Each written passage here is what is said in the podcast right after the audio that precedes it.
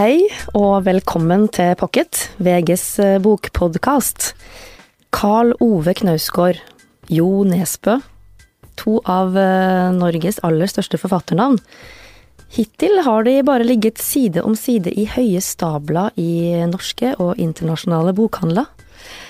Men i dag så sitter de her eh, i studio hos meg, og det er så stas å kunne si velkommen, Karl Ove Knausgård. Tusen takk. Og velkommen, eh, Jo Nesbø. Takk. Jeg må jo spørre, eh, som folk flest nå sikkert lurer på, hva i alle dager gjør dere to sammen? Uh, ja, det er, det er, vel litt min skyld, kanskje. Det var i hvert fall jeg som starta det. med det jeg ble spurt om jeg kunne tenke meg å reise ut på en liksom norgesturné med å snakke om bøker. Eh, fordi jeg har brukt såpass mye tid siste åra på å reise i utlandet, så det har ikke blitt så mye reising i, i Norge.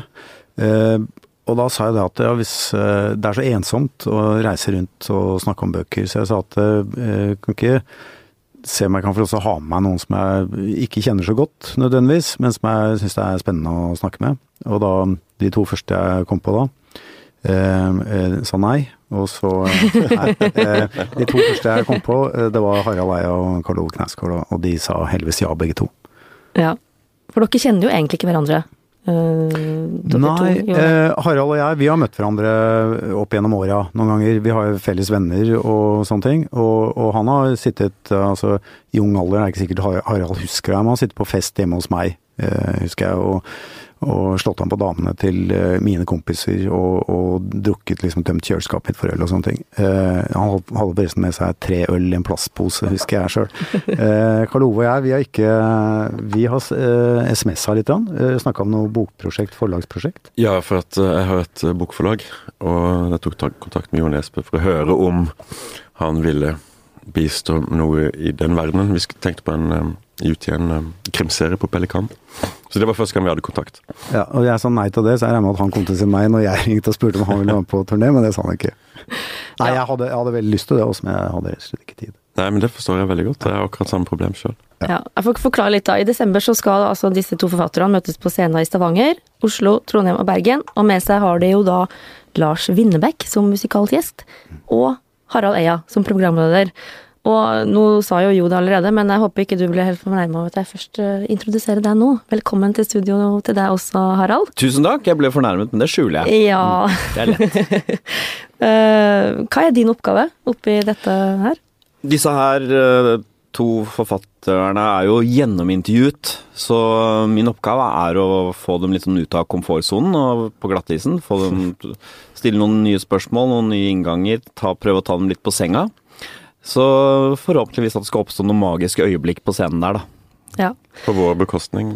Ja, men på publikums gunst. Ja. Så er, her er det litt sånn noen må tape, noen må vinne. Mm. Og i motsetning til disse to, da, så Jo nevnte jo allerede at dere to kjenner hverandre litt. Eh, du kjenner også til Karl Ove. Hvordan kjenner dere hverandre? Jeg har blitt trukket inn i forlaget til Karl Ove. Du sa ja. ja, ja, jeg sa ja. Jeg hadde ikke så mye annet å gjøre. Så uh, uten at det har kommet så mye bøker ut av det, så har jeg fått et innblikk i hvordan bitte små forlag drives, og da spesielt den typen forlag som ikke tjener penger. så nå vet jeg alt om det. Ja. Så det har vært veldig artig og interessant, det.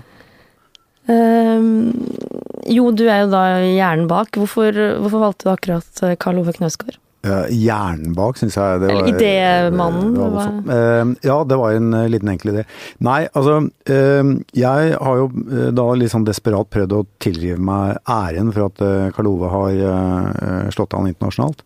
Og det er fordi jeg helt Altså, når jeg ble spurt tidlig når jeg begynte å reise ute, så var jeg var litt ute i en del land før Karl Ove, så ble jeg spurt hva foregår i Norge nå. Og jeg sa at det som foregår i Norge, det er Karl Ove Knaus, Knausgård. Knausgard. Uh, og, uh, og dermed så slo han igjennom. Det er sånn jeg ser det.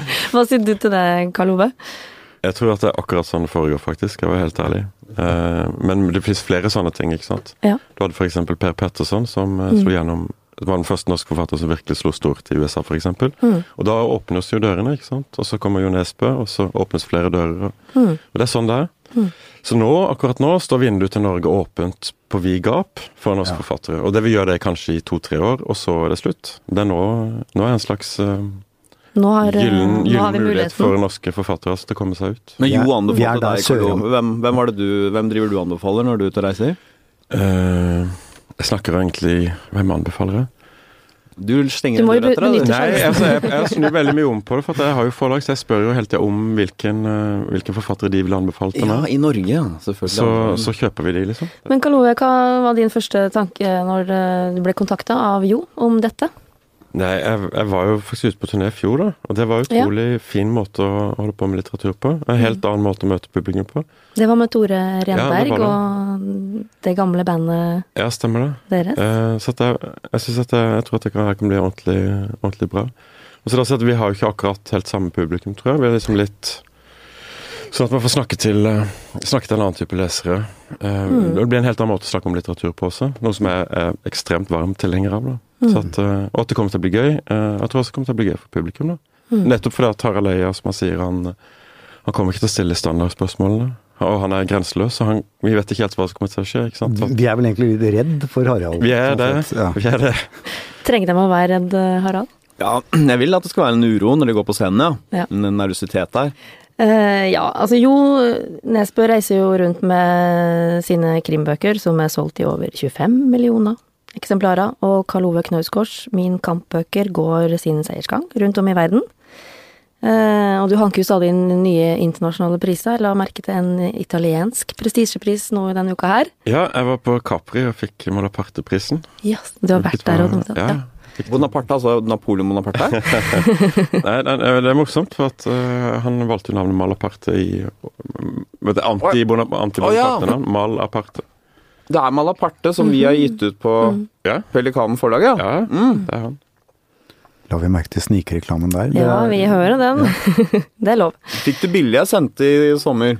Det jeg satt og tenkte på om jeg skulle si det eller ikke, for at Harald sendte et bilde. Det er, det er noe som heter Casa Malaparte. Det er en italiensk forfatter som eh, eh, skrev en fantastisk bok under krigen. Og han har bygd en helt utrolig villa på Capri. Vakre Capriø. Eh, så blant annet Godard har spilt inn en film med Brigitte Bardot der, og så videre. Og i sommer så kom det da et bilde fra Capri med Harald. Eh, og vi, uh, han poserer foran denne, i en båt foran denne villaen. Uh, Ligger på noen klipper. og han ser ut som liksom Pelikans fitnessredaktør. For han ser ekstremt, ekstremt kraftig og, og muskuløs. Så man ser jo liksom Vi har, vi, ja, for vi har jo planlagt det på at på ett av showene, vi sier ikke hvilket, men på ett av showene så, så skal vi da gjennomføre hele showet i bar overkropp. Det er enda mer Der snikreklame, har jeg er falsk reklame. tape. Ja, mye å tape der.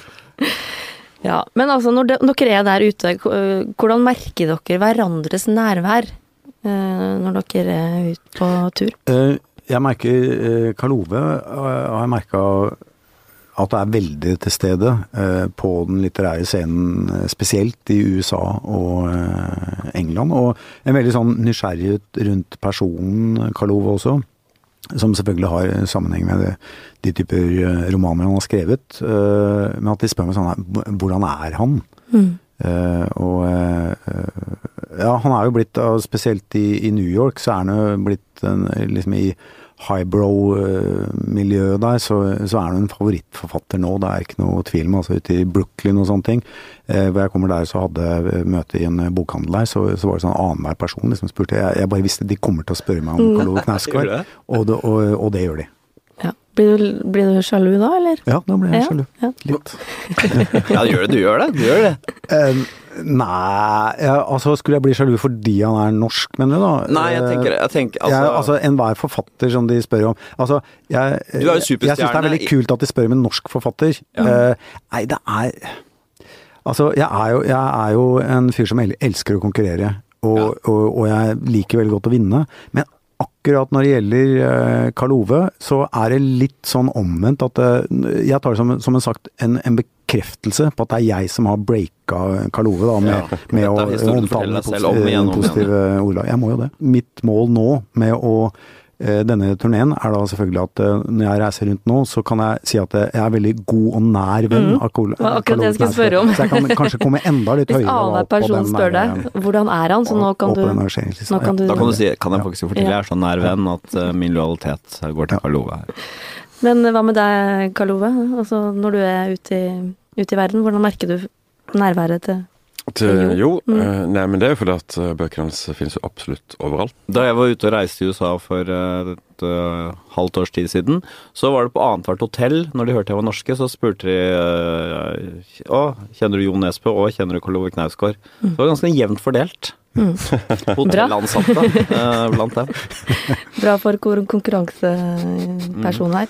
Nei, men dere har jo til felles at dere har et navn der ute. Eh, men kanskje ikke sammenlignes da så mye. Men hvis vi skal gå litt inn på forskjeller og likheter her, kan, kan, du si noe om det, du, kan love? Forskjell og likhet på, på, litteratur? Ja, det, Finner dere noe li likheter her? Og, uh, nei, men jeg, jeg, ser jo hva, hva jeg har, og hva jeg ikke har, og hva Jo har og ikke har. det. Så det som Det som er det som jeg gjerne skulle hatt og som jeg kommer til å prøve på når det er med en, en så sterk narrativ motor. Da. For det er det som fins i den der uh, Det som fins i alle bøkene dine. At du må lese, og at, at uh, det fins en sånn enkelhet i det. da, Og at det egentlig er lett, men det er forferdelig, forferdelig vanskelig. Altså, mm. Det ser lett ut, og det er det som er hele kunsten. ikke sant? Sånn som åpninga i Det er vel den siste boka di, med Kommer en mann i buss, går av bussen. Mm noe start. Mer blod. Ja. ja. det kan jo hvem som helst komme på, ikke sant. Eh, det er den enkleste måten å starte på, men det er jo det som er hele greia. Og så mm. være i et univers og bygge opp et univers, og få alt til hele tida og drives fremover, da. Mm. Jeg kommer fra en helt annen uh, kant av litteraturen. altså Når jeg var ung, så holdt jeg på med tidsskrift osv. Mm. Um, og det som har Og gikk på universitet og studerte litteratur og sånt. Men det som jeg, jeg tror det er som en slags bue i livet mitt fra når jeg var liten, hva jeg leste da, og hva jeg ville, og, og, ikke sant? Og så, og så, gjennom masse greier, og så tilbake på andre sida. Og det er det som egentlig er um, Det er nesten det viktigste elementet i litteraturen, av det er å kunne fortelle. Mm. Og det, um, det kan du. Ja, takk. Mm. Har, nå har dere hatt ett møte eh, der dere har møttes egentlig da for første gang, som jeg har forstått det, hjemme hos deg, Jo, mm. Eh, om uh, turneen. Ja. ja. Uh, hvordan er på en måte førsteinntrykket eh, av hverandre etter å ha møttes der hjemme? Uh, Førsteinntrykket er jo at Kaloe er veldig høy. Ja. uh, uh, det og, og, er en veldig elskverdig mann. og, og umiddelbart altså sympatisk. Uh, det, hadde det vært motsatt, så hadde jeg vel ikke sagt det, men, øh, men det, øh, det, er vel Det er sånn det er. Ja. Harald kunne sagt det, kanskje? Ja, jeg hadde sagt det. Du kan ja. si hva som helst. ja, det ble deilig. Uh, hvordan var det å være hjemme hos, på besøk hos Jo? jeg driver akkurat nå Jeg skriver korte tekster nå, da. Mm. Og da skriver jeg Jeg begynte å skrive portretter av folk. Og, og jeg, jeg prøvde å skrive av, av, gode venner, det er helt umulig. Men av folk du bare har truffet så vidt, men som vet litt om sånt, så så kan man liksom eh, nærme seg noe, da. Det, jeg, visste, det, jeg visste det. Jeg visste jeg ikke skulle gjort dette. Jeg visste det var en tabbe. Og, så, det, og det heter bare fornavn, da, så det er helt anonymt. ikke sant? Så plutselig står, står det Jo. Og så, har jeg vært der og sett liksom, jeg har sett bokhylla, jeg har sett liksom, klatreutstyr, jeg har sett, jeg har kjent på energien der. Uh, så at, uh, og det um, Men jeg kjenner det jo ikke. Men jeg tror at man, det liksom finnes et felt der som er plassert der innenfor. da. Uh, men, men energien, energien, er det viktigste. Mm. Det der, og du har sagt sjøl før at du var rastløs, men noe, en, en, et driv, da, som, som er det første jeg merker. Mm. Syns du det er ubehagelig, eller? Jo, da du ble rød i fjeset ja, ja, jeg blir stressa altså, når ting kommer meg litt sånn nært inn på livet. Så, Ingen skal se deg, ingen får nei, se meg. Nei, det er, det er interessant akkurat det der, da. Ja. Uh, akkurat den formen. For at selv om man ikke skriver noen ting galt, alt er bare fint, så mm. syns folk at det er ubehagelig. Mm. Så, ja. Uansett. For det, men det er som å komme for nært, da. Mm. Eh, men samtidig er det jo det man men, ser. Man men Moda, altså, altså, det er interessant at du, eh, altså andre folk rundt deg er jo blitt utsatt for dette her. Altså, hva, hvordan hadde du eh, takla det selv? Altså, du hadde jo akseptert det fordi du er en forfatter, ja, og at ja. dette er, det er helt enormt, at du er en del av et univers. Helt men, enormt men, ubehagelig. Men det ubehagelige ja, ja, sånn, kan veldig ubehagelig. Hadde, mm. Det er bare å slippe tak i det, også, men det er veldig ubehagelig. Ja. Å bli sett og beskrevet. Det er noe som noen tar noe fra deg. ikke sant? Harald er jo, virker som en mann som er helt upåvirka av, eh, av, sånne ting. Han, jo, altså han gjør det mot seg sjøl, på en måte, og gjort en karriere ut av det. Du, du har ingen Du får du, du, du, kjenner ikke hjertet slår fortere når folk kommer nært innpå deg, gjør du det? Jo, det er, det er, vel litt sånn øh, jeg er litt, jeg er litt ubetenksom. Sånn at øh, der og da syns jeg får jeg kick av det, men når det først kommer, så blir jeg litt slått i bakken av det. Men akkurat der, når det skjer, når noen prøver å naile meg eller jeg utleverer meg, så syns jeg bare er gøy. Jeg liker litt sånn der, ja, det grenseløse ved det, da. Ja. Men så angrer jeg jo selvfølgelig. Ja, ok. Det, men, men, det er noe læring der, da? At du vet, altså du vet at nå, dette kommer jeg til å ha Bakrusen kommer i morgen, når jeg går så langt. Altså med, med, skrukken, eller sånn som nå i Morgenbladet, når du skriver om ensomhet. For veldig mange er jo det et veldig sånn tabuområde å skrive om sin egen ensomhetsfølelse. Men øh, Jeg tenker veldig mye på barna. Så de var, var der, hadde, jeg, ikke vært for at jeg hadde familie, så hadde jeg gitt fullstendig faen. Mm. Men fordi jeg har det, så må jeg holde litt igjen. Så jeg, jeg, jeg sier til døtrene mine, de er jo eh, 14 og 17 Det kommer et oppslag på første siden, bitte liten avis, Morgenbladet, hvor jeg er en som er jo ikke det. Du vet hvordan de overdriver. de maler.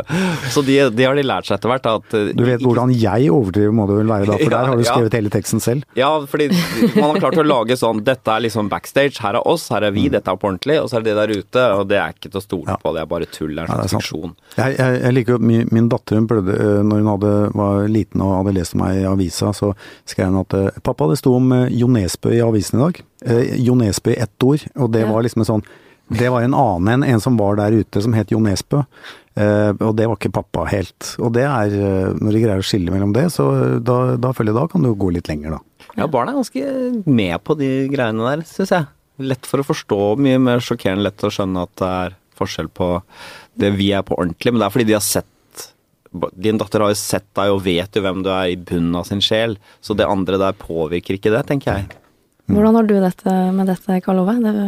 Med, med, barn? Ja, altså... uh, jeg har jo prøvd å holde helt unna, da. Jeg bor ja. i Sverige, så, men, men, det går ikke. Det siver inn uansett, liksom. Mm.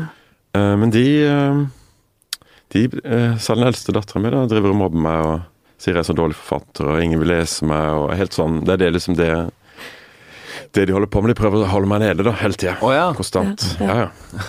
Og som om det her er helt uinteressant og kjedelig, og ja. det er det du holder på med. Men når de Men, ser at du reiser du, ja. til utlandet Unnskyld at jeg tar over din Nei, bare, jobb. Kom igjen, Camilla, når du reiser tross alt eh, 'Nå skal jeg til Santiago og ta imot pris, nå skal jeg til New York', bare, så må du skjønne at det går ikke an å erte deg. Jo da, de gjør det også. Men de, de, skjønner jo, de, skjønner jo, at det er noe, men de vet ikke helt hva det er for noe. da. Nei. De har ingen ideer om hva det er å skrive. Så Sønnen min han, jeg spurte han, det er ikke så lenge siden om hva han vil bli når han blir stor. Så sa han jeg vil bli forfatter. Så spurte jeg hvorfor det.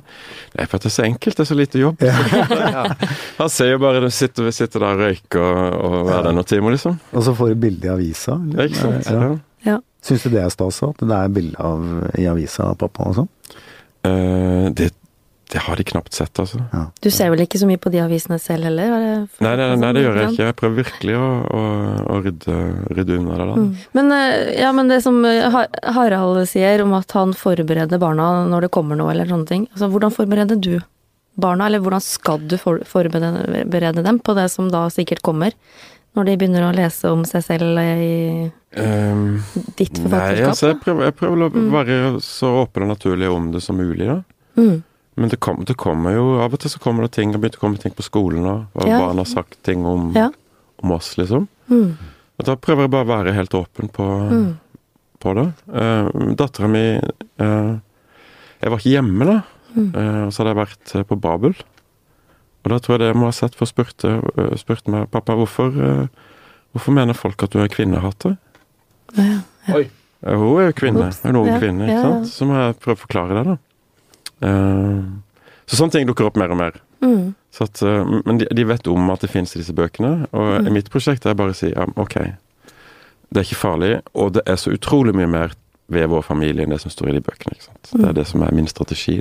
Men det mm. kommer sikkert til å bli tøft når det står puberteten foran døra og sånt. Så. Jo, du snakka jo, som nevnt allerede. Harald, du har jo da skrevet om egen personlighet, egen ensomhet. Uh, og kom inn på at du du har jo da blitt personlighetstesta, og du liker også at andre blir personlighetstesta. Eller eh, du har bedt noen om å ta en test. Ja, uh, jeg, jeg, ville ta den samme personlighetstesten på Jo og Karlova. Det, det var det jeg var litt nysgjerrig på. Håper jeg kunne legge frem på, på scenen, da. Mm. For første gang. Uh, nå skal det sies at Kolov ikke har fylt den ut ennå. Så det er derfor jeg er bra jeg treffer han her nå, for nå skal jeg henge på han som et slips. Og slipper han ikke ut av klørne mine før han har godt brukt de 30-40 minuttene. Mens Jo har vært flink, fylt mm. ut. Så dette blir spennende. Jeg, jeg er jo på en måte litt sånn um, Intuitivt ser jeg ikke folk så veldig godt. Så jeg trenger de verktøyene som en sånn test er, for å kunne uh, dissekere andre mennesker da, og få et uh, forståelse av hvem de er. Så det er et verktøy jeg trenger som litt sånn halvautist. Er det Ligger det litt i Karl Oves personlighet at han ikke har svart ennå? Ja, jeg vil tenke at uh, han, midt oppi all sin vennlighet, uh, scorer litt lavt på en side ved det som heter sånn planmessighet, som er i hvilken grad man liksom holder orden og, og, og, system. Og da er han ikke høy, så høy på det som heter plikttroskap, sånn som jeg tenker det. At, så det faktum at jeg ser han i øynene, sier sånn Kan du være så snill å fylle ut den testen, det er alt jeg trenger fra deg. Ja, det skal jeg gjøre. Men det er helt verdiløst når han kommer hjem. For da er det andre ting som er mer interessant. Men, Men det eh, gjenstår å se da når vi får testen, om jeg har rett til min ja. hunch. Er det skummelt å skulle fylle ut en sånn test? Nei, det er faktisk ikke skummelt i det hele tatt. Det er bare veldig gøy. Ja. For at det kommer en helt ny vinkel inn på deg sjøl, ikke sant. Ja, som, eh, som, eh, Det blir morsomt. Jeg gleder meg til det. Du jo, har, du har fylt ut. Uh, fått noen svar her, eller? Nei, jeg har ikke Nei. det. det er hemmelig. Det skal du få av Harald. Det, er, det blir som en sånn her ja, det som, blir som å gå til psykolog, det, mm. det showet her. sånn. Det sånn Psykologitime uten taushetsplikt. altså vi skulle bryte dem ned uten å bygge dem opp. Men kan du ikke avsløre én ting som har kommet frem om Jo? Uh, ja, sånn um, Han er jo um, Det er jo en selvrapporteringstest, så en av de tingene, apropos det med sånn planmessighet Nå sier jeg bare det som jeg vil spare snackset til scenen. Ja, jeg skjønner jo det. Ja. Han, han, anser seg selv for å være mer rotekopp enn det jeg helt, et, et, alt han har fått til så blir det jo et mysterium at han har klart å prestere på såpass høyt nivå, og samtidig anser seg selv for å være en sånn surrete type. Mm. Så skal vi komme tilbake til om det bare er et selvbilde du har, et ideal, en rotete rockefyr, eller om det virkelig er såpass uh, slumsete. Jeg tror, du skal, eh, jeg tror kanskje du skal snakke med et par til i bandene, f.eks., så tror jeg du kanskje vil få det bekrefta. Ja, nettopp. Ja. Mm. Fordi det korrelerer ganske Selvrapportering og andres rapportering korrelerer ganske godt. Så, mm. så, men jeg skal gjøre det. Jeg skal ta en liten researchsamtale. Ja. Og hvis du da skal ta en sånn gjette eller uh, bruke din kunnskap til å sette uh, Karl Oves personlighet litt sånn kort og kort fortalt her? Uh, vil tippe at han er uh, Han er det de gamle grekere kalte en uh, melankoliker. Han er introvert, nevrotisk. Hva, hva sier du? Ja, altså jo. det var kanskje litt vel enkelt? Nei, det tror jeg ikke. Nei? Jeg tror at det sirkler inn nå, men mm. jeg tror at også det fins andre ting. da. Det som er rart, er liksom at denne jeg, jeg sitter av og til på legekontoret. Der kan det være sånn der kryss ut-greie. Veldig kort, av ti spørsmål, liksom. Er du deprimert eller ikke? Og så, så krysser jeg uti her. og det, jeg er alltid nesten Skårer nesten som skulle vært innlagt, ikke sant? Nesten alltid deprimert? Ja, men det føles jo helt ok, liksom. Det er ja. meg. Ja, ja. Det er sånn jeg har det. Men, men, det er ikke så farlig. Men hvis jeg ser på de testene helt sånn nøkternt, så Hvor er vi egentlig Ja, for du har jo sagt et eller annet sted at du det, står opp om morgenen. Det er melankoliker, ikke sant. Ja, det er melankoliker. Det er mange som holder på med det her, som vi holder på med, som eh, som befinner seg på den sida. Men jeg tror at det først og fremst er vel for at eh, forfatterne er jo de sjenerte ekshibisjonistene. Mm. Det er de som foretrekker altså, De vil gjerne synes, men, men ikke fysisk. Altså, de har lyst til å sitte innelåst et eller annet sted og så skrive noe som alle skal lese. Som mm. de bare, bare, kan bivåne mm. at andre fordyper seg i.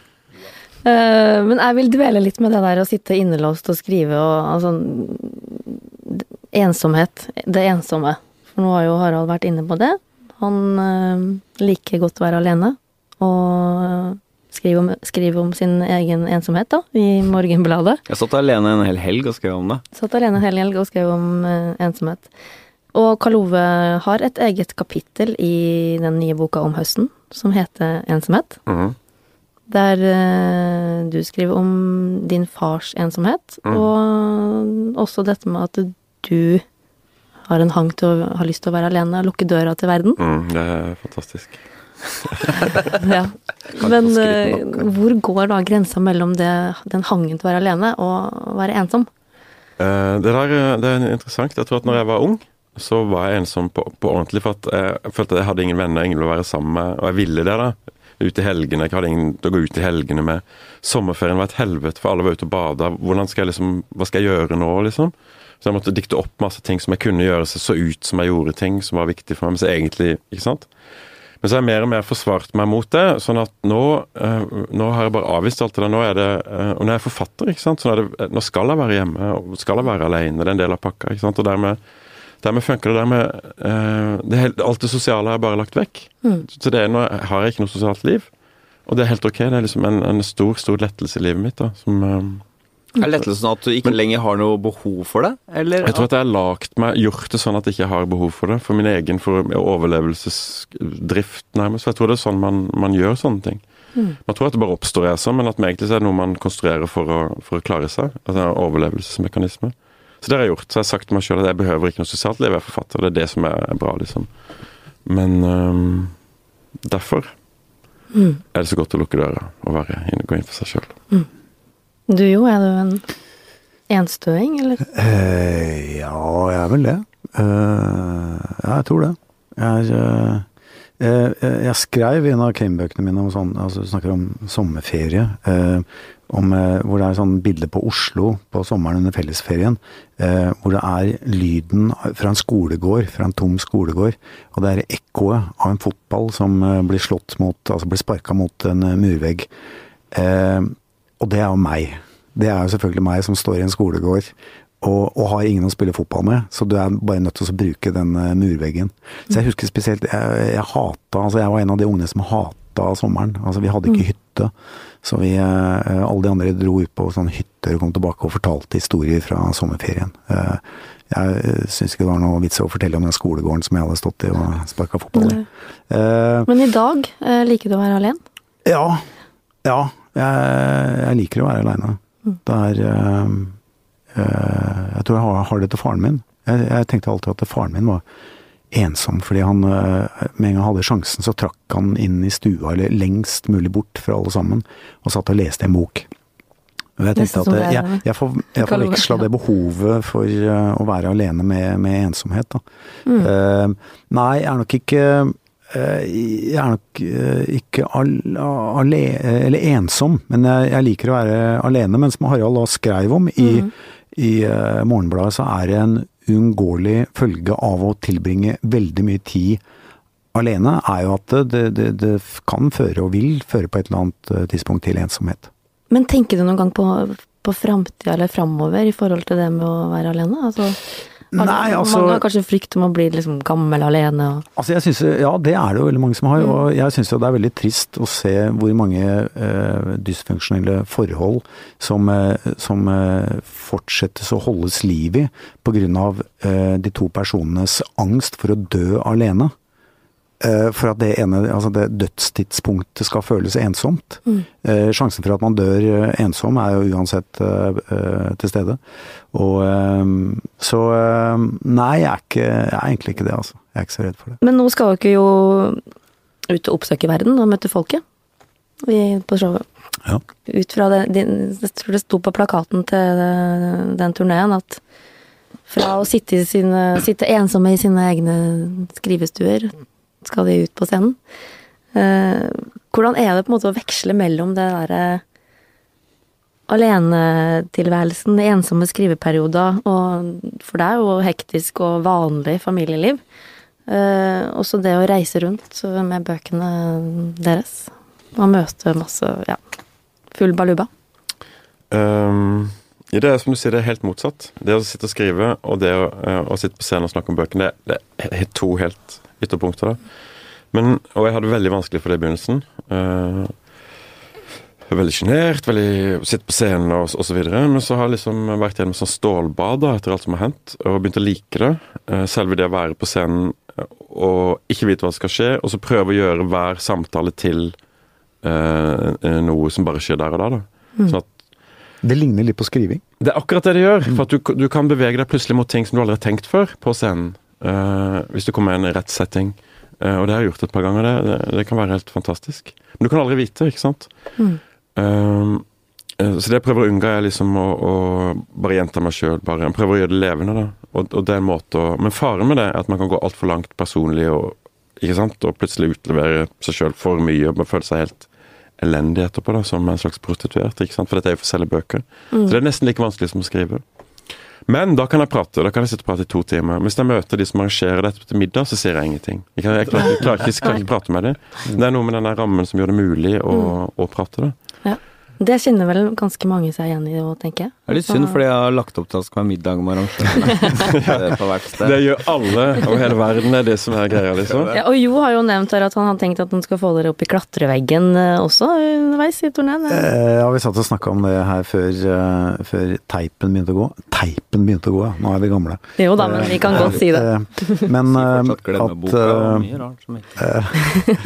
ja, vi snakka litt om det, at vi, er, vi har lider litt av en høydeskrekk, eh, alle tre har vi funnet ut. Så vi skal finne oss en klatrevegg eh, og kanskje prøve oss eh, litt. Jeg, jeg klatrer jo en del, men nettopp fordi jeg er litt redd for høyder.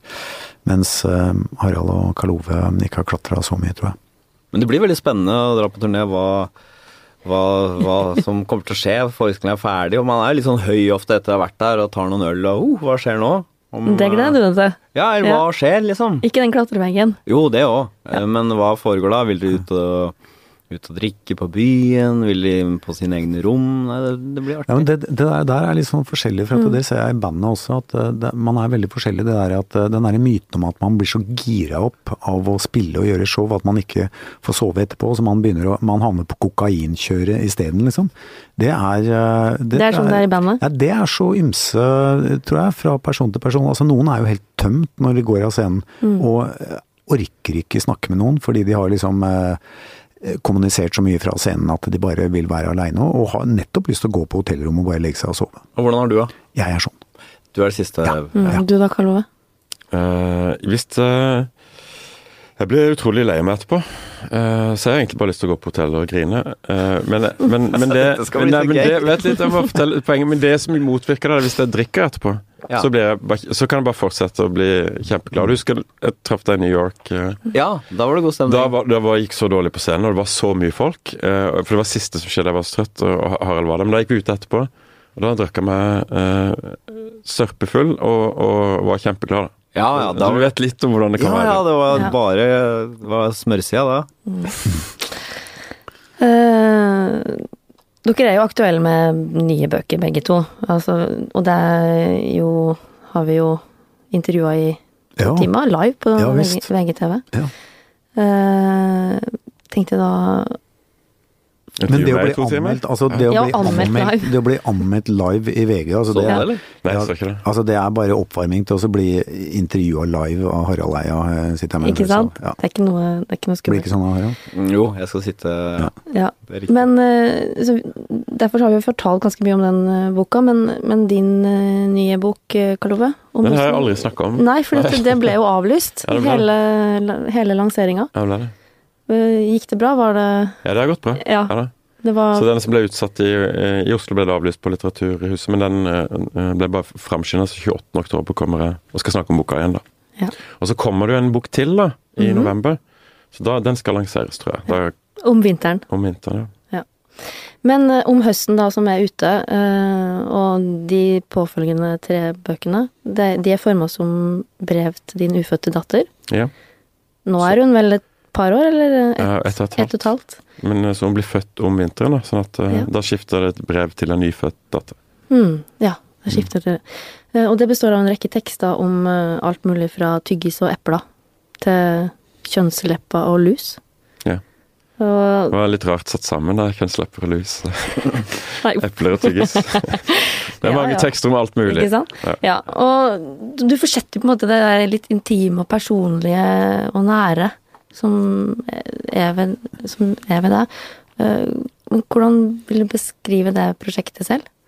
Det, et, det kom uh, i stand helt tilfeldig. Jeg ble mm. bedt av uh, et amerikansk tidsskrift om å skrive siste sida gjennom et år. Mm. Så de ville ha mange var det 24 tekster.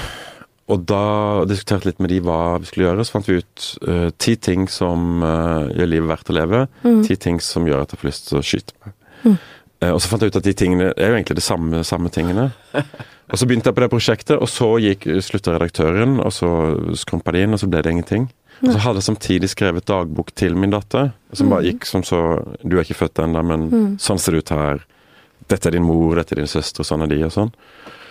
Og så tenkte jeg bare fortsette på det prosjektet med å skrive om ting, og så blanda de seg på en måte, og så, og så så jeg plutselig at her var det noe som Det er ikke roman, det er ikke essays, det er ikke fiksjon, men heller ikke sakprosa. Det er bare noe helt uh, udefinerbart, ikke ja. sant? Og så tenkte jeg ok, men jeg bare fortsetter her og så, og så mm. se hva som finnes. Så hver morgen står jeg opp, uh, og så skriver jeg om én ting, eller ett ord. Og jeg må Ikke sant? Det ser en mm. tannbørste foran meg, hva kan jeg si om tannbørsten? Hva kan man si om en tannbørste? Det er utrolig vanskelig, men det, det fins alltid noe. Det går alltid, ja. alltid an å si noe. Det, alt er lada, ikke sant. Mm. Så at uh, det, det, bare handler bare om skriving, mm. egentlig. Men på en måte så kan man kanskje si at uh, ved å beskrive disse tingene da for en person som ikke vet hva disse tingene er, så gjenopplever du det, eller du ser alt på en ny måte, eller Ja, så har alt en historie som du kanskje ikke mm. blir fortalt ellers. Uh, for det, vi har jo mange ting, og noen av disse tingene har ingen historie, de bare fins der. Mm. Mens egentlig har det en historie likevel. ikke sant? Sånn som uh, eksempel tannbørste. Eller tannbørste, for jeg så overraska over at jeg kunne si så mye om det. da. Um, men også Jeg skrev med gummistøvler, ikke sant? så kom jeg plutselig på Men jeg har de gummistøvlene jeg har. Ja. Det var jo for faen min far ja. sine, liksom. Og så kommer det et slags enormt sånn melankolsk mm. rom der, og, og, sånt er det med veldig mye, da. Og det er det jeg tror vi er ute etter når vi leser bøker. Vi har lyst til å bli invitert inn i huet til en eller annen. Og om du da skriver om en tannbørste, så handler det ikke om tannbørsten, men det handler om forfatteren, hvordan hvilke assosiasjoner forfatteren får, og hva mm. det er det første han tenker på når han ser en tannbørste, og hva han uh, forbinder med det. Og det hodet der, hvis det er interessant, og litt skrudd, altså litt sånn på sida av det vi selv er, så er det et sted hvor vi har lyst til å tilbringe tid. Og om da vedkommende snakker om tannbørste eller om en seriemorder, det er i grunnen ett fett, tror jeg. Mm. Det er magisk. Det er magisk. Det er utrolig at vår art ja. er skrudd sammen sånn. I uh, Pocket I så avslutter vi egentlig alltid med gjestene sitt et boktips fra hver gjest. Um, jeg er litt spent på om dere i det hele tatt har med boktips. Det skulle være pocketbok, fikk jeg beskjed om. Nei, det er egentlig ikke det, men oh, gjerne det. det jeg veldig lenge etter pocketbok, jeg. Ja, ok. Jeg vil, jeg vil, ikke begynne. Jeg, jeg, Men, mener du at det er veldig mange bøker der ute som du kunne anbefalt, men ja, det er ikke kommet ut i pocket? De ikke i pocket. Nei, jeg vil ikke være sånn skryte på. Jeg trodde det var, skulle være pocket, at det var litt sånn jovialt, folkelig pocket-ish. Uh, ja. ja, nei, vi handler ikke bare om pocketbøker, men Og så trodde jeg man skulle ha med bok fysisk. Ja, du kan godt ta den med og vise den fram til lytterne. du er altfor pliktoppfyllende. Jeg min del hadde glemt at vi skulle ha sånn pakke Ja. ja. men jeg regner med at eh, de fleste klarer å komme med ja, boktips. Jeg, jeg, jeg, kan begynne da, mens Harald og Karl Ove får litt tenketid. Uh, og det er um, Og jeg behøvde ikke så lang tenketid fordi jeg snakka om en bok i går, så jeg vil anbefale den, og det er fordi uh, det er premiere nå på uh, Doktor Proktors tidsbadekar, så jeg ble intervjua om, om tidsreiser. Og da kom jeg på Altså, dette er ikke engang pocketbok, dette er en tegneserie. Illustrerte klassikere. Tidsmaskinen. Ah. Eh, HG eh, Wells. Eh, en bok Men som jeg, jeg, jeg, tror jeg kan skryte på meg at jeg leste boka også på et eller annet tidspunkt. Men er, eh, jeg vil faktisk ah, Her har vi et eksempel på at eh, tegneserien Illustrerte klassikere er litt bedre enn boka. Ja. Uh, Hva er det som skjer i historien at han reiser frem til Og da er det to mennesker som delt opp i to grupperinger. En som lever i dagen. Ja, det er riktig. Sånn, HG Wells han var jo sosialist, overbevist sosialist, så han skriver til å begynne med så er det dette et sånn klassedelt uh, samfunn. Uh, men hvor det da er overraskende nok de som bor under jorda, som, uh, som er overklassen og arbeiderklassen, som, som bor tilsynelatende i et paradis. Ja, helt riktig. Men så etter hvert så, så, snur den historien, så er det ikke helt sånn likevel. Um, og, eh, så, så er, det, det, er litt sånn forvirrende eh, det, det, det, høres ut som det er en, en tvilende sosialist som, eh, som, har skrevet denne boka. Men 'Tidsmaskinen' er altså veldig fascinerende. Nå håper jeg at den fins i mange eksemplarer. Fins på biblioteket. Biblioteket har den. HG Wells. Ja. Hva med deg, Karl Ove? Ja, nå, nå, faktisk jeg glemte det at jeg skulle forberede noe. Du får ta en så, favoritt. så jeg, jeg, kan hva, hva anbefaler man, liksom? Så forferdelig mange bøker jeg liker. Mm. Men jeg var inne på Kristine Næss da, tidligere. Du snakket mm. om hvem vi anbefalte og sånt. Mm. Uh, uh, og hennes siste bok, som er Nordisk råds nominert. Mm. Jeg har alltid likt henne veldig godt. Uh, det er en utrolig bra bok. Hva heter, hva er tittelen igjen? Det er akkurat det som jeg sitter her og ikke kommer på. da. Nei. Så hvordan kan vi anbefale en bok man ikke husker tittelen på? Men hvis du, sier Kristine, Næss og den ja, siste da, boka til Kristine Næss uh, Og særlig Hun skriver, nemlig med et, et kvinneportrett av det, fra mm 30- eller 40-tallet eller noe sånt, mm. som er fantastisk godt. Det er flere Det er egentlig en generasjonsrom, en kvinnegenerasjonsroman. da. Men hun får tak i noe helt rått, og et veldig tidsriktig, tror jeg, portrett. da. Den, det gjorde veldig sterkt inntrykk på meg. For det var også sånn at jeg, jeg kjente det igjen hos liksom for, altså min bestemor Eller var det noe, en klang der da, som var, som var, som var rett, og som, mm. uh, som jeg egentlig ikke har sett før i skrift. da. Og Hun er en veldig, hun er en sånn forfatter som klarer å hente opp ting. Uh, og det har hun alltid gjort. og som er, som er, så, Språket nesten er direkte kontakt med det hun skriver om, da, mm. syns jeg. Kristine Næss, altså. Og mm. Jeg er ikke noe med bare et menneske eller noe sånt? Eller hva, ja, den heter uh, Det har en historie der en, en liten jente som ja. forsvinner, og så er det en uh, kvinne som blir mistenkt, eller, eller politiet er interessert, og, og, mm. og, det er veldig ubehagelig, akkurat den historien også, da, for du vet ikke som leser helt hva som har skjedd mm. sjøl. Harald, du sitter febrilsk og googler på Ja, jeg vil gjerne finne, jeg blir nysgjerrig. Men du skal, den... komme også, med boktips istedenfor? Jeg skal anbefale en bok Uh, uh, du kan få lov å ta den opp av veska. Som en slags konkurranse, jeg skjønner. Hvem ja. som på en måte anbefalte det som ga mest sånn skole-norsklærer-honnør, og det var Kristin Nei, Sigrid Undset Kransen. oh. jeg valgt å anbefale. Som jeg hadde i pocket. Sigrid Kristin Lavransdatter. Det er første bind i serien om Kristin Lavransdatter. Jeg har selv ikke lest den. jeg har sett filmen, den var ganske kjedelig. Men jeg tror at boka er god. Hun har vunnet nobelprisen, tross alt. Ja. Har dere lest Kransen? Jeg har lest Kransen, men jeg må si at det, min favoritt Sigrid Undset-bok er, er, Jenny, altså første boka hennes. Jeg er ikke så glad i de historiske romanene hennes, jeg, men Jenny, hvis vi er på Sigrid Undset, så anbefaler jeg Jenny. Det er Jenny du går for? Ja. ja. Hvilken er ditt uh, jeg, har, eh, jeg, har, et stort hull her. Jeg har ikke lest uh, Kransen. Jeg tenker bare på kransen, sånn hodekransen som pop, regissør Poppe har og jeg holder på for. Jeg. Men det er ikke det det handler om, skal det menn. Det handler om en krans. Vanlig krans. uh, vil jeg tro, da. Og så er det dette, e, dette, store spørsmålet som Dag Solstad blant annet sagt. Han, at han uh, er veldig uenig i Sigrid uh, Undsets hypotese om at tidene forandrer seg, men menneskets hjerter er bestandig det samme. Mm. For han mener at kjærligheten nå i middelalderen er jo helt to forskjellige ting. Mm. Så det er jo, hvor står dere der? Der står jeg helt på Sigrid Undset. Jeg tror vi brukt det sitatet til og med et par ganger. Jeg står helt på hennes side. Det er det samme. Ja. Det er det samme. Mm. Og Er du enig med Solstad her, eller er du en Undset-mann, eh, Bø? Nei, altså, du, du får sånn her kjedelig svar fra meg at da må vi, da må vi ta, uh, bruke en halvtime på å definere hva vi mener med hjerter. Ja, Og det skal vi ikke gjøre. Ikke det. Og det er morsomt at eh, Harald tipser om en bok han ikke har lest. Ja, men også. vi skal faktisk Jeg tipser om en bok jeg ikke kan huske tittelen vi skal faktisk si tusen hjertelig takk til Jo Nesbø og Karl Ove Knausgård og Harald Eia. Og ønsker dem lykke til på veien rundt i Norge. Og takk til produsenten, Magne Antonsen. Men jeg har litt lyst til å avslutte den sendinga her med et bitte, bitte lite avsnitt fra om høsten. Eh, som kanskje får oss alle til å tenke litt på livet her og nå. Veldig lite, men eh, vær så god, Karl Ove. Jeg har merka deg litt til, deg her. Dette er også helt uforberedt, så vi får se om han tar det på sparket. Det tidligere livet mitt føles bare fjernere og fjernere. Jeg er ikke lenger opptatt av min egen barndom, ikke opptatt av studietiden, 20-årene mine. Alt dette er langt, langt unna. Og jeg kan forestille meg hvordan det vil være når det som skjer nå, er over, når barna har flyttet ut. Tanken på at det var da det viktige skjedde, da jeg levde. Hvorfor satte jeg ikke pris på det mens jeg hadde det? For da kan jeg tenke, hadde jeg ikke hatt det. Åh. Vi ha det bra. Takk for oss. Ha det bra. Takk, Takk for oss.